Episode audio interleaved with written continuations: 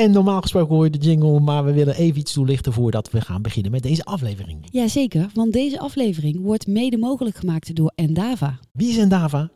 Endava is een eh, technology company. En die doen heel veel al in de paymentswereld. Precies, zo hebben zij het nieuwe acquiring platform voor WorldPay gebouwd. Ja, ze hebben aan Backbase gewerkt.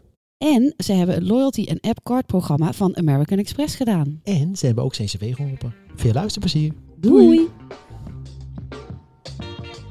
We moeten deze keer dan toch gewoon weer zelf doen. Ja, hè? oh ja, sorry. Ik had gewoon eh, iets zeggen. ja. Ja. Ja, ja, we zelf zeggen. Wat moet ik zelf doen? Oh ja, nee, nu moet je ik zelf praten. Ja, Ja. Precies. Ook Misschien weer leuk. Ook wel weer gezellig, inderdaad. Gewoon menselijke wijs, zou ik zeggen. Ja. Gert-Jan. Hé, maar dit klopt helemaal. Ik zit de auto in te starten. Stop. En dan gaat hij weer. Oh, dit is een hele leuke mistake. Die gaan we gewoon starten. PSD3. Lekker bezig. 0, EP. Kijk, dit zijn dus menselijke foutjes. AML. Ja, die maken... Nila- Computers Nila- Nila niet praat. stil. Iedere week wordt er wel iets nieuws aangekondigd op het gebied van payment, loyalty, identity en retail. Heb jij het overzicht nog? Gelukkig is er nu hulp. Nieuwe knikkers met Arlette Broeks en Gertje Rusk. Dus luister iedere twee weken en je bent er helemaal bij. Zeker. Hallo allemaal en welkom bij aflevering nummer 95. Ja, je zou denken dat we het na 95 keer toch wel in de vingers zouden moeten hebben, hè? En nu is de intonatie wel oké vandaag. Ja, want Ja. we zijn het zelf. Ja, wij zijn het helemaal zelf. Jullie hebben heel kort kunnen luisteren naar een eh, speciale aflevering, nummer 94. Die wij niet gemaakt hebben, maar die voor ons is geproduceerd door onze trouwe luisteraar David. Ja, en die geeft eigenlijk meteen een mooi inkijkje wat je tegenwoordig allemaal eh, kan. Met AI, Precies. technology. Dus eh, in een, op een later moment komen we dan nog een keer uitgebreid op, dit, op die aflevering terug. Hè, wat we daarvan vinden en even een retrospectief, zeg maar, daarop. Ja, ja, en dan meer op de technologie. Exact. Eh, maar de aflevering zelf is ehm, zeker amusant om te luisteren. Ja, Met een hele mooie scoop op het einde van Daniel zelf, de maker, David. David. Eh, inderdaad, dus mocht je hem nog niet geluisterd hebben, doe dat dan alsnog eventjes. En heel veel dank Voor? Het maken. Ja, nee, zeker. Absoluut. 100%. Dus dat heeft, het is, is toch, ondanks dat wij daar niks aan gedaan hebben. eh, en in principe David eh, ja, de tekst gemaakt heeft. En ervoor gezorgd heeft dat het eh, gefabriceerd is. Is het alles bij elkaar toch een hoop werk geweest. Ja, maar heel leuk om te zien eh, dat, dat dit kan met de nieuwe technologie. En eh, eh, dat David dit initiatief heeft genomen. Ja, maar vandaag nu naar onze gast van vandaag, aflevering 95. Tom Agens, CEO van Peaks. Ja, dankjewel dat ik hier mag zijn. Ja, welkom Tom. Ook gezellig dat je gewoon lijfelijk bij ons aan tafel bent. Doen jullie al iets met AI eigenlijk? Nog niet, maar ik heb toevallig deze week eh, zelf wel eh, in een aantal AI-tools tools gezeten. Ja. Om eens te kijken, want ik geef aan alle nieuwe medewerkers geef vaak trainingen. Ja. Ik dacht van ja, misschien kan ik het ook een- keer met een avatar van mezelf eh, opnemen. Uh-huh. En die training gewoon heel fancy maken. Oh, ja, ja, Veel ja. leuker dan eh, dat ik het zelf elke keer weer opnieuw doe. Nou, we kunnen je even in contact brengen met David. Die kun je fantastisch helpen, denk ik. Ja, in alle talen, dat is misschien fijn. Ja. Hebben jullie veel eh, Ja. internationale collega's? Zeker, ja. We Ja. hebben 15 nationaliteiten in het team. Ja. En de voertaal is ook Engels. Oké. Ja, nee, het is heel grappig. Ik doe elke dag Duolingo om mijn Frans een beetje bij te houden. Maar ja, dat is ook straks niet meer nodig, denk ik, als ik mezelf zo Frans hoor praten. Ja, maar het is wel heel erg interessant dat ehm, ik van de week weer eh, de woordjes was aan het eh, overhoren. Ja.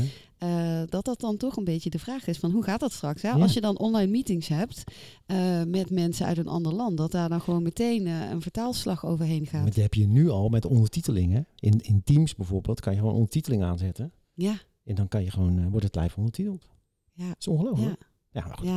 Oké, ander onderwerp. Voordat we alles eh, met jullie gaan vertellen en deden eh, en Tom alles gaat vertellen over Peaks, hebben we eerst nog natuurlijk nog wat nieuwtjes. ja, ik heb één nieuwtje. Oh, eentje. Ja, ja, en dat is eh, eh, gesponsord. Een gesponsord, nee, dit is niet gesponsord. Maar het gaat wel over Ideal, dus dan lijkt het alsof het gesponsord is natuurlijk. Ehm, de nieuwe cijfers van de thuiswinkel Marktmonitor was weer uit. Ah, oké. En ehm, ja, ik bedoel, eh, jullie weten natuurlijk, ik ben Ideal fan, maar het blijft wel toch een beetje verbazingwekkend. Dat Ideal blijft groeien en groeien. Dus de eh, online bestedingen die gingen van 60 naar 61 procent. En het aantal online aankopen, dus transacties, gingen van 70 naar 71 procent. Dus 71 procent van al- alle online aankopen wordt dan gedaan met Ideal. Mhm. Ja, ik vind dat toch bijzonder. En, er eh, zijn zoveel al nieuwe alternatieven en dan toch blijft Ideal nog groeien en groeien. Ja, en kan je dan ook nog zien eh, welke kanalen bijvoorbeeld eh, daar de groei in zit? Is Ja. het mobiel? Is het... Eh, zeker in die eh, thuiswinkel marktmonitor eh, komt dat allemaal terug en is dat allemaal verder uitgewerkt. Ehm, ik heb ze zelf nu niet, Niet paraat. paraat. eh, nee. Maar we kunnen wel een linkje eh, naar die infographic in de show notes zetten. Doen we even nog. E- dan nog even een kleine correctie, want er was van de week ook wat nieuws over een projectje waar ik eh, een bijdrage aan heb geleverd, namelijk de Debit Mastercard van Ja. In het AI-stukje staat dat ze de tweede zijn. Ja, dat was ik dan toch wel niet helemaal met ze eens, hè, met eh, de, de tekstmaker. Want Knap was de eerste eh, bank met Debit Mastercard In Nederland. in Nederland. En ook nog iets heel bijzonders. Heb jij Apple Pay bijvoorbeeld en je vervangt je Maestro voor Debit Mastercard, dan hoef je niks te doen. Bank is de eerste, eh, Knap is de eerste bank wereldwijd die de technologie gebruikt van Mastercard en Apple, onder andere, Google zit het ook in, waarbij je automatisch de tokens die gekoppeld zijn aan je pasje vervangen wordt. Nou, Oké, want anders, normaal gesproken moet je dan je Moet je- Apple Pay opnieuw, eh, moet je opnieuw activeren. activeren, moet je die kaart weer op toevoegen. En dan eh, bij Knap gaat dat seamless. Seamless. Nou, heb je goed En- gefixt. Ja, nou ja, en dan- gaan we Met alle binnenkort... collega's. Ja, uiteraard. eh teamcards. Onder leiding van Frank Waanders. En die komt binnenkort bij ons daar alles over vertellen. Nou, hartstikke goed. Volgens mij uit mijn hoofd 10 november gaan we die opnemen. Je bent goed met de data. Ja, ja, ja. Oké, en dan gaan we nu lekker verder met... Pieks. Ja. Wat leuk Tom dat je er eindelijk bent. Ja, daar ben ik heel blij mee. Wij gaan al best wel ver terug eigenlijk Ik ook. zou zeggen. Want we komen allemaal, we hebben allemaal een beetje de Rabo-roots natuurlijk. Maar misschien is het heel leuk voor de luisteraars die Pieks nog niet zo goed kennen. En Dat je- jou niet En kennen. jou niet, kennen, dat je even een leuke korte introductie doet. Oké, dan eh, begin Je ik pitch, zet je pitch. De, de pitch. Ik begin dan even met mezelf. Eh, ik ben Tom Arends, 44 jaar oud. Ehm, ik ben belegger van huis uit. Dus ik heb ooit beleggingstheorie gestudeerd in Tilburg. Daarna ben ik eh, bij Robeco echt het vak gaan leren. Toen, eh, na de financiële crisis, ben ik naar Rabobank overgestapt. Om eh, orde op zaken te stellen binnen het beleggen. hebben we een nieuw team opgericht. Om de, ja, echt de hele beleggingsdienstverlening in Nederland ja, opnieuw in te richten. Dat hebben we een aantal jaar gedaan. Daar ben ik ook in contact gekomen met IT, product. Ehm, en dat was eigenlijk wel een beetje mijn passie. Mhm. En ik zag in die tijd ook, ja, dat ben je dan weer eh, analist voor, zag ik in Amerika allerlei ehm, nieuwe start-ups opkomen met echt super mooie UX en design op het gebied van beleggen, die het echt heel intuïtief maakten. En welke tijd praten we dan over? Waar hebben we Dan praten we zo rond 2010. Oké, dus En dan moet je de- denken aan bedrijven als Betterment kwam toen op. Eh, je had eh Wealthfront in, in de UK, had je Nutmeg. Eh, en die liepen echt heel ver vooruit. En ik dacht, deze wereld gaat veranderen. Mhm. Moet je je voorstellen, in 2010 bestonden er nog geen beleggingsapps. Sterker Nee. nog, je kon niet eens een eh, beleggingsrekening openen online. Daarvoor moest je naar een bank. Ja. Ehm, En beleggen was eigenlijk alleen maar voor eh, mensen met heel veel geld. ja, ja, ook dat nog eens een keertje. Als je echt serieus wilde beleggen, eh, dan, eh, ja, dan, zeiden ze, dan heb je minimaal 100.000 of 500.000 euro nodig. Dus voor heel veel mensen was het eh, niet toegankelijk. En in die tijd, en dan komen we op pieks en dan komen we ja. ook op de ja, ja, pitch. ja, Ehm, eh, in die tijd ben ik toen op een gegeven moment naar de directeur gestapt en gezegd, ja, deze wereld gaat veranderen.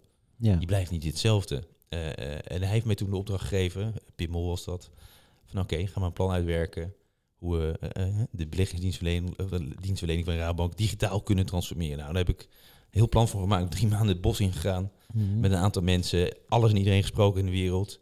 En dat zijn we gaan uitvoeren. En dat was super gaaf. En terwijl ik daarmee bezig was, was nog een tweede dingetje. Eh, ik gaf heel veel lezingen over beleggingen bij allerlei eh, klanten. Dat deed ik eigenlijk al, eh, al, al heel wat jaren. Eh, en ik zag eigenlijk altijd dat er oude mensen in de zaal zaten. Wij spreken, mijn ouders zaten er. Mhm. Die zijn natuurlijk niet oud, maar er zijn, er- ja, hè, mijn zusje zou ik er niet tegenkomen en, en, en vrienden ook niet. En ik belegde al een hele tijd, ik had die financiële crisis meegemaakt. En ik, had, ja, ik realiseerde me, als je dat over tijd blijft doen, het potje blijft vullen met, eh, met geld, dan rendeert dat heel mooi over de tijd. En eigenlijk als je moet beleggen, moet je starten als je jong bent. Maar niemand deed dat. Mhm. Omdat inderdaad, je had veel geld nodig. Het was allemaal ingewikkeld. En heel veel mensen, ja, weet je, in die tijd, je dan ook bijna alle beleggingssites, waar allemaal die flikkerende schermpjes met eh, hè, koersen die omhoog, omlaag gaan, grafieken. Ja, heel veel mensen die, die, die gingen op dat moment liever televisie kijken of wat met vrienden afspreken. Dus ik dacht, ja, daar ligt een kans. Eh, en dan komen we op Peaks. En dan, dan misschien een beetje een lang verhaal, maar toen was er ook iemand, Simon Tieleman, Ja. die had eigenlijk het echte idee voor Peaks. Hij maakte in de tijd, hij werkte bij IT-bedrijven, die maakte allemaal eh, apps voor financiële instellingen. En die wilde eigenlijk wel een keer echt iets maken. En dan niet alleen het concept bedenken, maar het ook gewoon in de markt zetten. Ehm, en hij liep eigenlijk een beetje tegen hetzelfde aan. Hij zag ook dat beleggen niet toegankelijk was. En hij kwam met het concept beleggen met je wisselgeld. En daar zijn we natuurlijk beroemd van om, eh, om geworden. Mhm. Hij is toen naar Rabank gestapt. Eh, want hij zocht een partner om het mee uit te werken. En hij kwam bij mij. Ehm, toen is Rutger Beens, dat is een collega van hem, eh, daar ook bij aangesloten. Rutger is eh, onder andere bekend als de, een van de ICT-architecten achter KNAP. Mhm. Die bank, die had, hij had heel veel ervaring met het opzetten van een nieuw platform. En met z'n drieën zeiden we eigenlijk, we moeten een bedrijf beginnen wat beleggen toegankelijk maakt voor iedereen. Dat is Pieks geworden. En dan de pitch. Dus Pieks maakte eh, ja, beleggen toegankelijk voor iedereen. Eh, hoe we het initieel gedaan hebben, is door te zeggen van ja, mensen vinden het heel ingewikkeld. Eh, de perceptie is dat het heel risicovol is. Eh, en ze hebben het geld niet en de tijd niet. Dus wij zeiden, nou, als we nou een app ontwikkelen, waarbij we de eerste stap heel klein maken. Dus eh, een aantal heel eenvoudige keuzes. Dus wat we hadden gedaan is een app gebouwd, je koppelt je bankpaste aan. En je eerste stapje om te gaan beleggen is, je koopt een kopje koffie, kost 2,50 euro. De app rond het bedrag naar boven af, 3 euro. En die 50 cent wordt automatisch voor jou wereldwijd belegd. Mhm. Nou, 50 cent kan iedereen missen. En als het helemaal verkeerd gaat, is het ook niet zo erg. Maar daarmee met dat kleine stapje maak je wel de eerste stap op het gebied van beleggen. En dat is een heel belangrijk, want dan ben je gestart en dan ga je ervaren wat nou eigenlijk echt is. Mhm. En dan kun je die klant ook ja, ondersteunen, leren wat het is. En daarmee zijn we begonnen. En op die manier hebben we heel veel mensen aan het beleggen gekregen. Ja, en nog heel even over de naam. Want de naam Peaks is P-E-A-K-S.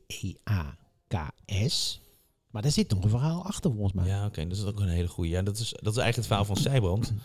Ehm Sijbrand Tieleman die is opgegroeid in eh, Rotterdam, eh, in de wijk Spangen. En die woonde bij zijn moeder eh, thuis. En in die tijd, eh zijn we toen ietsje ouder als ik ben, toen speelde Sparta nog Europees voetbal. Daar kun je je Mhm. misschien weinig bij voorstellen nu, maar in die tijd wel.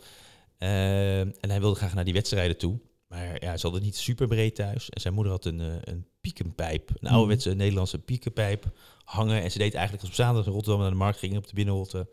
De guldens die ze over had, die deed ze daarin. En zo spaarden ze toch gedurende een jaar zo'n 250 gulden, in die tijd nog. En daar kon je dan iets moois mee doen. Bijvoorbeeld naar zo'n wedstrijd gaan. Ja. En dat heeft hem geïnspireerd dat, ja, als je kleine beetjes oppot, is het voor iedereen mogelijk om een potje op te bouwen. Ja. Ehm, ja, en zodoende. En Dat- dat, dat is die piekenpijp, dat is dan eh eh, pieks geworden. ja, dat principe zie je steeds vaker trouwens tegenwoordig. Hè? Die kleine beetjes afromen. En er zijn ook een aantal banken die dat Ja, doen. nou ja, en ehm, in de supermarkt is die bood dat toch al langer aan om op die manier te sparen. Dat je de, was dat Albert Heijn met zegels? Ik kom nooit dat- in de supermarkt. Maar... Nee, maar dit is ook wel wat ouder. Dan kon je ook eh, bij je boodschappen kon je dan Oh, zegels en dan ja. die boekjes. Dat ja, was dan ja, ook weer. nou goed. Dat is, ja, is waar. Is waar. hey, en dan... eh, jij wilde een vraag stellen. Ik zag jou een diep ademhalen. Oh. ja, nou, nee, niet meteen hierop aansluiten. Oh. Maar ik, uiteraard heb ik ook vragen. Ja. Maar eh, jij wilde een vraag hierop aansluitend, denk ik. Nou, nee, ja, dat gaat misschien gelijk weer de diepte in. Je kent me over dat risicoprofiel eigenlijk. Want ik vond wat ik heel leuk. Mijn eerste kennismaking met Pieks was ehm, ja, nog een beetje in de Rabo-tijd, denk ik. En ik was natuurlijk eh, heel nieuwsgierig naar de, hoe de app werkte. En ik heb toen, volgens mij, ja, toen kon je denk ik in begintijd alleen nog je Rabo-rekening koppelen. Dat ik toen. eh, en eh, wat ik heel grappig vond, was eh, de manier waarop je dat risicoprofiel instelde. Ook met pittig, zeer pittig, weet ik veel. met die pepertjes. Met een Spaans pepertje erbij. Zo. Dat vond ik heel grappig. En ik ben nog steeds, nog steeds klant. En ik heb die piekenpijp nooit geleegd. Nee, ik ook niet. En ik ben ook nog steeds klant. En ehm, nu zelfs met meer producten. Want op een gegeven moment zijn jullie naast beleggen met je wisselgeld ook andere dingen gaan toevoegen. Kun je daar iets over vertellen? Ja, dat kan ik zeker. Dus we zijn begonnen met beleggen met je wisselgeld. En met als doel beleggen voor iedereen toegankelijk te maken. En nou, daar zijn we echt heel goed in geslaagd. Eh, maar op een gegeven moment kwamen we er ook achter dat met het beleggen met je wisselgeld, eh, eh, daarbij bouw je een potje op. Maar als je zeg maar financiële ambitie hebt in het leven en je wil er echt ja, serieus werk van maken, dan kom je niet alleen met je wisselgeld. Dat was één. En we zagen ook wel dat een aantal mensen bij ons starten. En die hadden bij bijspreken op een gegeven moment 5000 euro bij elkaar.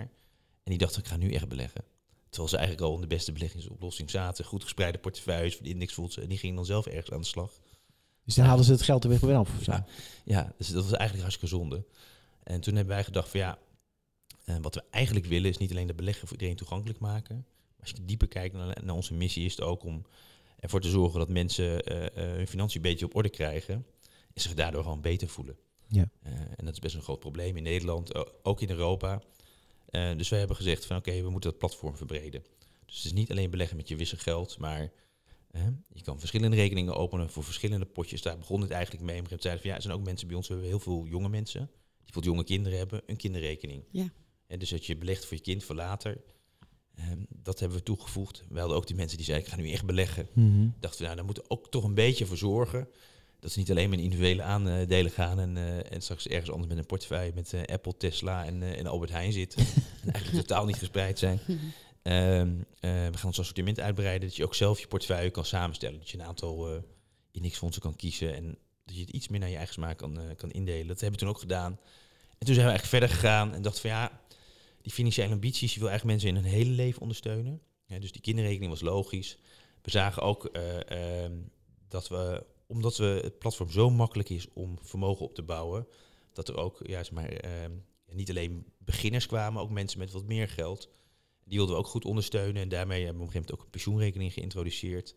En sinds kort, eh, eh, daar ben ik heel blij mee, een renterekening, waarbij je ook nog rente krijgt. En daarmee kun je eigenlijk gedurende het hele leven van een klant kun je ondersteunen met vermogensopbouwen. Stel je bent nog helemaal aan het begin, je wil weinig geld, Mhm. begin met die renterekening. Eh van daaruit ga je beleggen, beleg voor je kind, beleg voor je pensioen. En dat alles in één app, super makkelijk. Nog een betaalrekening erbij en iedereen kan ook. Ja, ja. Nee, ik, eh, ik heb nog wel een vraag daarover. Dat, ehm, want hoe jullie begonnen zijn, hè, was het heel erg ehm, eh, ja, heel simpel. In de zin van beleggen met wisselgeld en hup aan de slag. En nu zijn er meer opties geïntegreerd in de app. Maar hoe zorg je er dan voor dat het wel voor die klanten nog steeds simpel blijft? Ja, nou, ik denk dat dat heel belangrijk is. Want als, je, als jij mensen vraagt van waar, waar staat Pieks bekend om, is het inderdaad de eenvoud, het gemak, de duidelijkheid. En dat hebben we telkens als uitgangspunt genomen. Dus ehm, niet te veel keuzes. Bij ons kan je niet de 9000 eh, indexfondsen beleggen. Beperkte keuzes, maar wel goede keuzes. Ehm, eh, heel erg naar taal kijken, naar design. Van hoe kunnen we het zo simpel mogelijk maken en zo weinig mogelijke stappen. Mhm. Zo goed mogelijk uitleggen.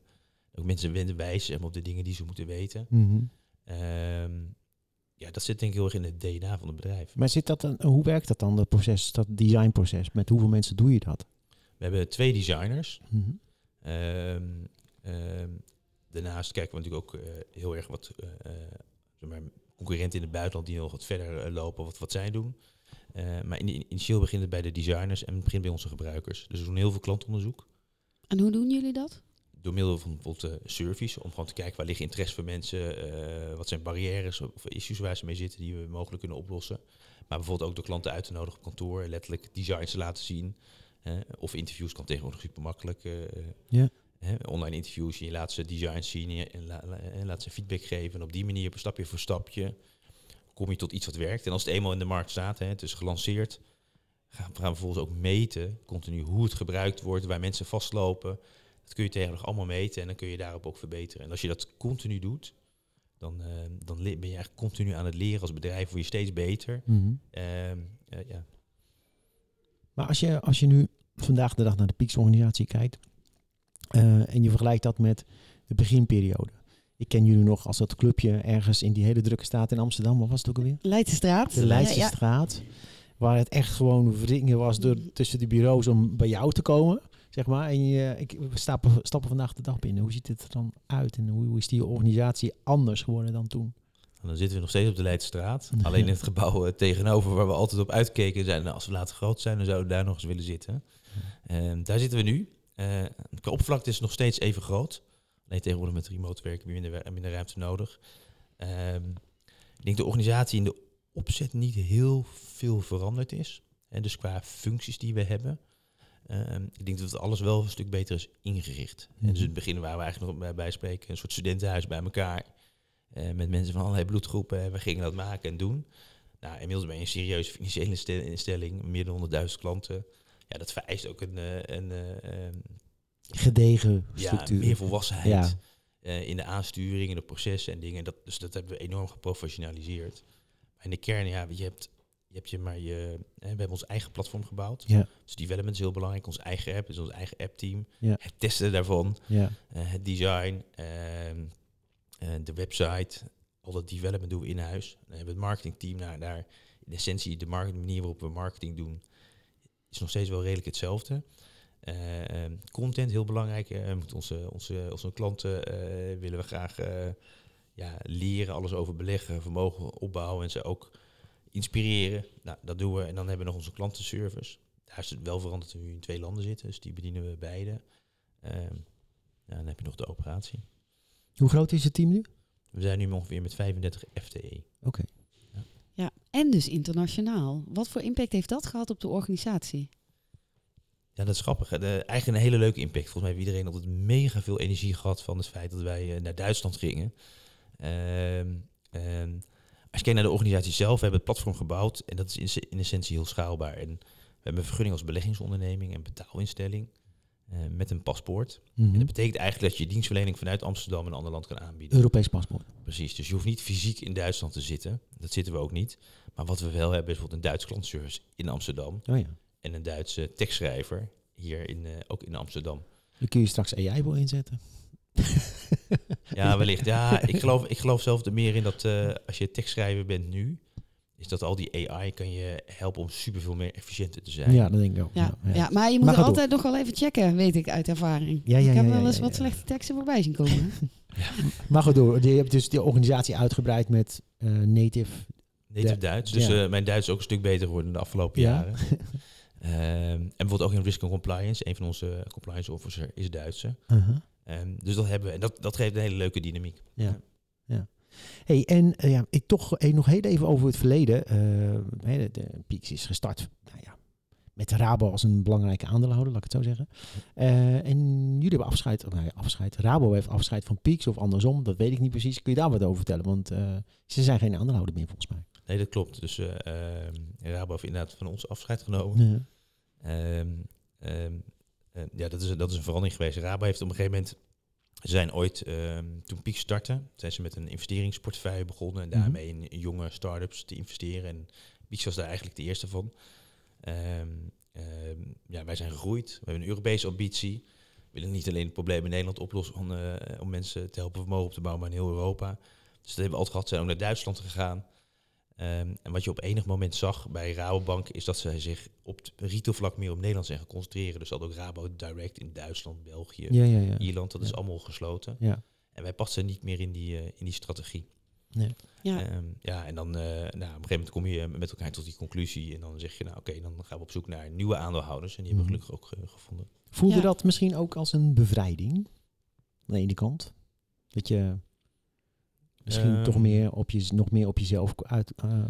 Ja, in zekere zin wel. Ik denk, ik denk wat, wat de grootste verandering is, denk dat je eh, het type aandeelhouder wat je hebt. Mhm. Dus de aandeelhouders die we nu hebben, die zijn heel erg ondernemend.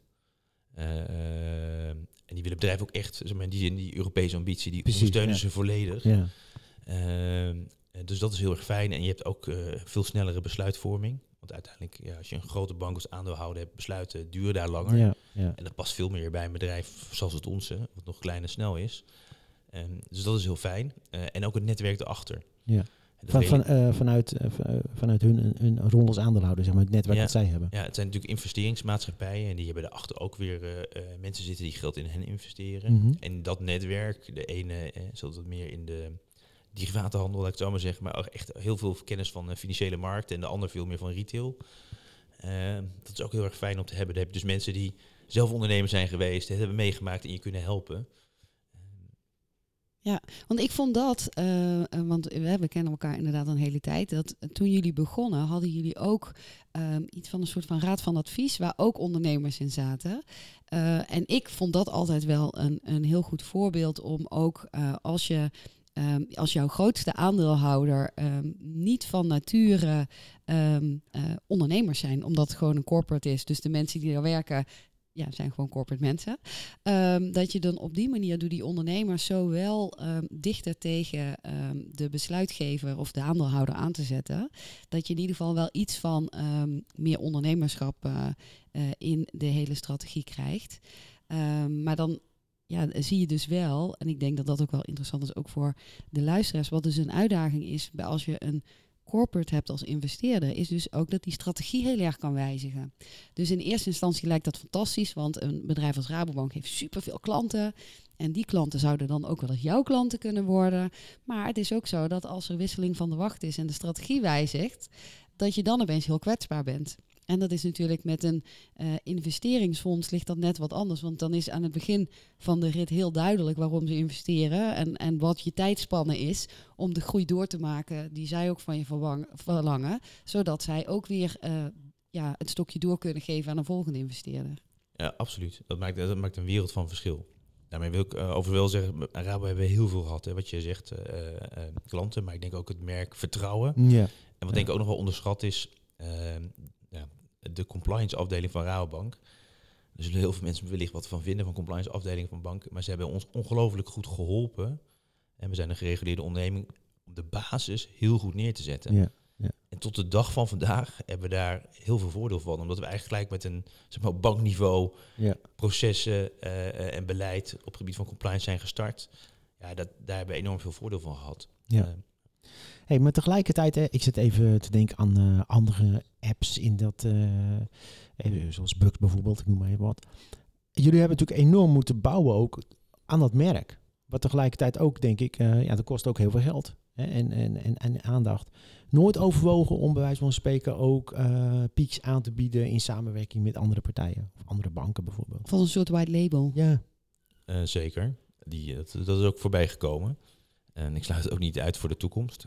We hebben alleen wel gezegd, wil je echt succesvol zijn in waar we mee bezig zijn, waar in de kern zijn we een B2C bedrijf, Mhm.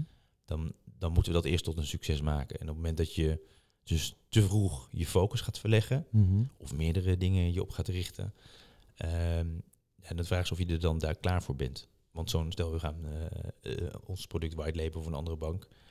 Zijn we als organisatie daar klaar voor? Want die, die bank gaat ook heel veel eisen stellen. Ja, en daar zul aan zeker. moeten voldoen. Ja. Ja, je, je roadmap en je capaciteit is maar een bepaalde grootte. Ja. Ehm, dus ik sluit zeker niet uit voor de toekomst. Maar op dit moment hebben we eerst gezegd... nee, we richten ons op onze huidige businessmodel, onze huidige doelgroepen. Dat gaan we uitbreiden. En daar zit nog genoeg groeipotentie in. Maar gaan jullie dan ook naar andere landen? ja, dat wil ik net vragen. Ja? Nou, Nou, er zit heel veel groeipotentie in, zowel in Nederland. Dus, je, dus ja, we zijn eigenlijk begonnen met die beginnende belegger. Ehm, en dat hebben we nu eigenlijk uitgebreid ook naar de, ja, de mensen die misschien al beleggen of wat verder zijn in hun leven en, en vermogen hebben, spaargeld en die dat willen gaan beleggen. Ehm, dus daar hebben we het gedaan. Ehm, we richten ons nu ook, binnenkort willen we ons op, bijvoorbeeld op ZZP'ers en eh, BV's gaan richten. Ook een nieuwe doelgroep. Mhm. Ehm, en we zien ook wel dat er eh, werkgevers, dus jonge bedrijven komen naar ons toe die zeggen, ja, kunnen jullie niet een pensioenregeling eh, Ja. voor ons aanbieden, want we vinden jullie product zo geweldig. Nou, Ja. en dan heb je ook weer een nieuwe doelgroep. Nou, dat doen we allemaal in Nederland, maar inderdaad, uiteindelijk willen we die schaal in Nederland, ja, je kunt een bepaalde schaal bereiken. Je moet naar het buitenland. We zitten in Nederland en Duitsland, dus ons plan is nu, zijn nu nog werken aan het businessmodel in Nederland. Volgend jaar, ik denk medio volgend jaar, gaan we in Duitsland weer gas geven.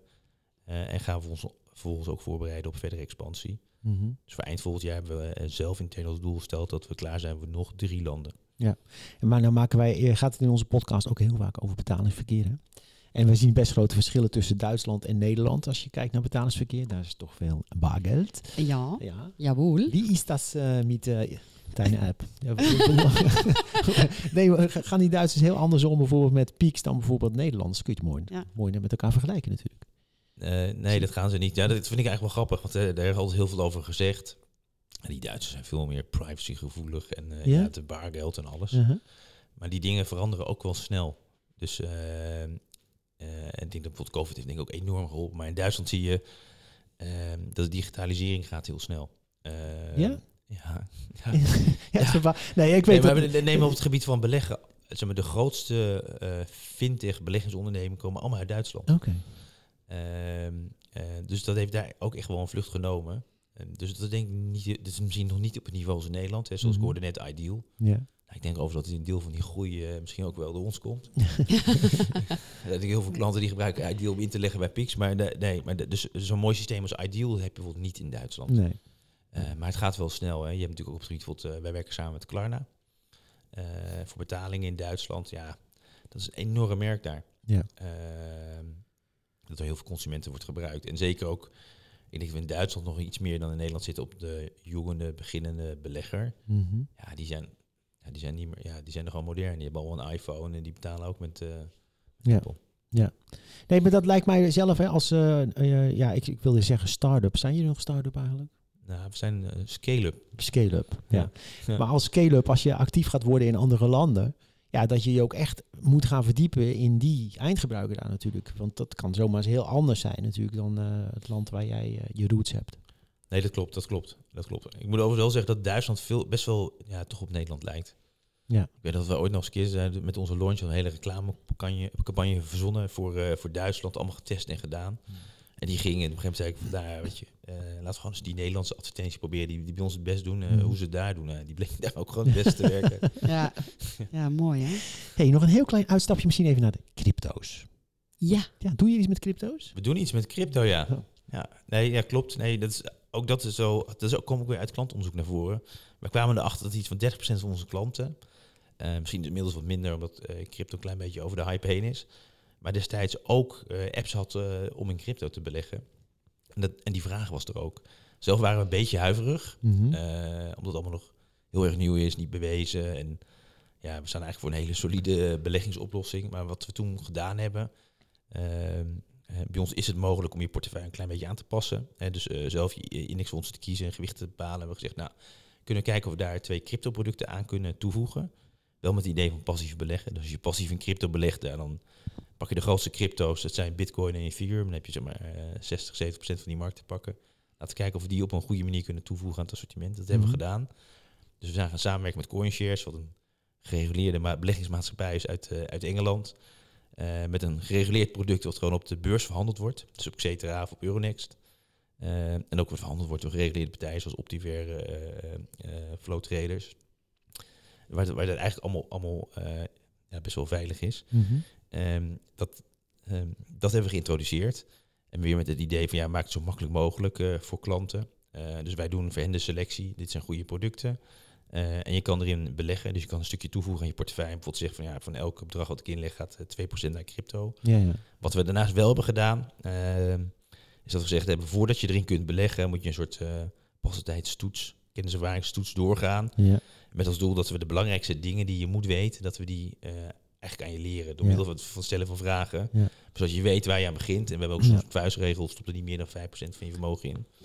Dus dat, eh, Ja, dat is leuk dat je dat, eh, dit, dit trouwens noemt, want dat, dat herinner ik me ook nog van de, de start van Peaks. Dat jullie die eh, nieuwe klanten ook door zo'n proces heen trokken. Of je wel snapte wat je aan het doen was. Op een, dat deden jullie op een hele bijzondere manier. Oh, op die manier. Ja, als je klant wordt via de, via de chatflow. Ja, ja. nee, klopt. Ja, dat, dat is ook wel heel mooi. We zijn, hebben natuurlijk eindeloos geïtereerd op het product. Wij kwamen erachter, als je een financieel product afsluit, best wel ingewikkeld voor veel mensen. En als je dan bij spreken een website hebt met heel veel informatie, ja, mensen neigen er toch naartoe dat ze dat niet lezen. En dan komen ze bij de eerste, beste, eerste beste keuze en dan denk je, ja, wat nu? Dus wij hebben, ja, we hebben getest en kwamen erachter dat een chatflow heel goed werkt voor, voor de onboarding. Een beetje, een beetje geef je informatie. ja. Mensen lezen dat ook. Ja, Eh, en dan geven ze een aantal eenvoudige keuzes, zoals van, kies je inlegmethode Ja. en kies je eh, risicoprofiel. je bestaat nog steeds, zit Dat nog steeds Ja. Nou ja, want ik moet zeggen, want ik heb eh, recent eh, zo'n renterekening geopend. En daar was dan niet met Jet, maar wel ook stapsgewijs. Om vooral ook die informatie te krijgen van wat is dit product nou en hoe werkt het. En ja, wat, is, wat is wel gedekt of wat is niet gedekt of hoe doen we dat dan. Ehm, dus ja, dat het meenemen van de klant in wat voor product je afsluit is echt wel een, een belangrijk onderdeel, denk ik. Ja. Ja, maar ik, ik geloof er ook in. Zeg maar, dus als je, als, je, als je een financieel product aanbiedt, eh, dan wil je er transparant over zijn en je verwachtingen juist neerleggen. Want dan weet je ook als iemand er gebruik van gaat maken, dan, dan is de kans dat hij teleurgesteld raakt in de toekomst klein. Eh, ja, dat is belangrijk. hey, hebben we iets nog niet aangeraakt wat je toch nog had willen noemen vandaag? eh? En wil je nog iets kwijt? Ja, wil je nog iets kwijt, aan onze luisteraars? Ja, dat is een goede vraag. Ehm, nou, eh, nou, we openen allemaal een pieksrekening. dat is- een beetje te, kort- te kort, te kort door de bocht. Eh, nee, nee. Ja, nou ja, ja. Nou anders heb ik nog wel een eh, laatste vraag voor je. En wat is nou jouw belangrijkste tip voor iemand die nu bezig is met een nieuw initiatief bij een bank of een andere betaalinstelling? Wat moet hij, zij, persoon vooral gaan doen? heel goed eh, naar zichzelf luisteren. Dus ik denk, als je een nieuw initiatief hebt, dat hangt een beetje vanaf wat voor een initiatief het is. Als het een klein initiatief is, dan, eh, dan zou ik kijken hoe je dat binnen de instelling kan organiseren. Is het een groot initiatief, eh daar moet je er wel even bij nadenken. Want ik denk dat eh, binnen een grote financiële instelling, als je een goed initiatief hebt, wat voor geweldig is, dan zal er initieel heel veel enthousiasme voor zijn. Dan ga je ermee aan de slag en dan word je, krijg je er misschien ook wat tijd voor en wat geld. Ja. Maar op het moment dat het eh, echt het puntje bij het paaltje komt, oké, ja, nu gaan we het echt doen. er moet geïnvesteerd worden, er moet tijd op de roadmap vrijgemaakt worden. Dan is dat heel lastig, omdat in zo'n grote instelling de bestaande dingen, die zijn altijd belangrijker. We moeten, eh, nou, we hebben 2 miljoen klanten in dit, daar moet iets voor veranderen. Dat domineert altijd de roadmap en dan ga je het toch niet van de grond krijgen. Ehm, dan ga je vastlopen. Dus als je iets groots hebt, dan moet je denk ik voor jezelf beginnen. Ehm, en dat is ook wel gelijk heel spannend. Want het is niet makkelijk. Zeker eh, in de financiële industrie, een gereguleerd product in de markt zetten. Ehm, daar is heel veel kennis voor nodig. Daar is heel veel kapitaal voor nodig. Eh, ongelooflijk veel doorzettingsvermogen voor nodig. Dus als je dat doet, dan uh, dat kan. En ik zou het ook zeker aanraden, maar dan moet je ook voor de volle 100% voor gaan. Ja. 200% zou ik zeggen. Dat heb jij gedaan. Dat heb ik gedaan, ja. Precies. De, doe er je voordeel mee. Eh, super bedankt voor het luisteren. Ik druk de knop in. Ja, Ehm, ja, en open die Pix-rekening zou ik zeggen. En heb je nog niet geluisterd naar aflevering 94? Doe dat dan even. zeker. Nou, ik zou zeggen tot de volgende keer. Ja. Hey Tom, dankjewel voor de, deze update. En wellicht tot de volgende keer. Graag gedaan, dankjewel.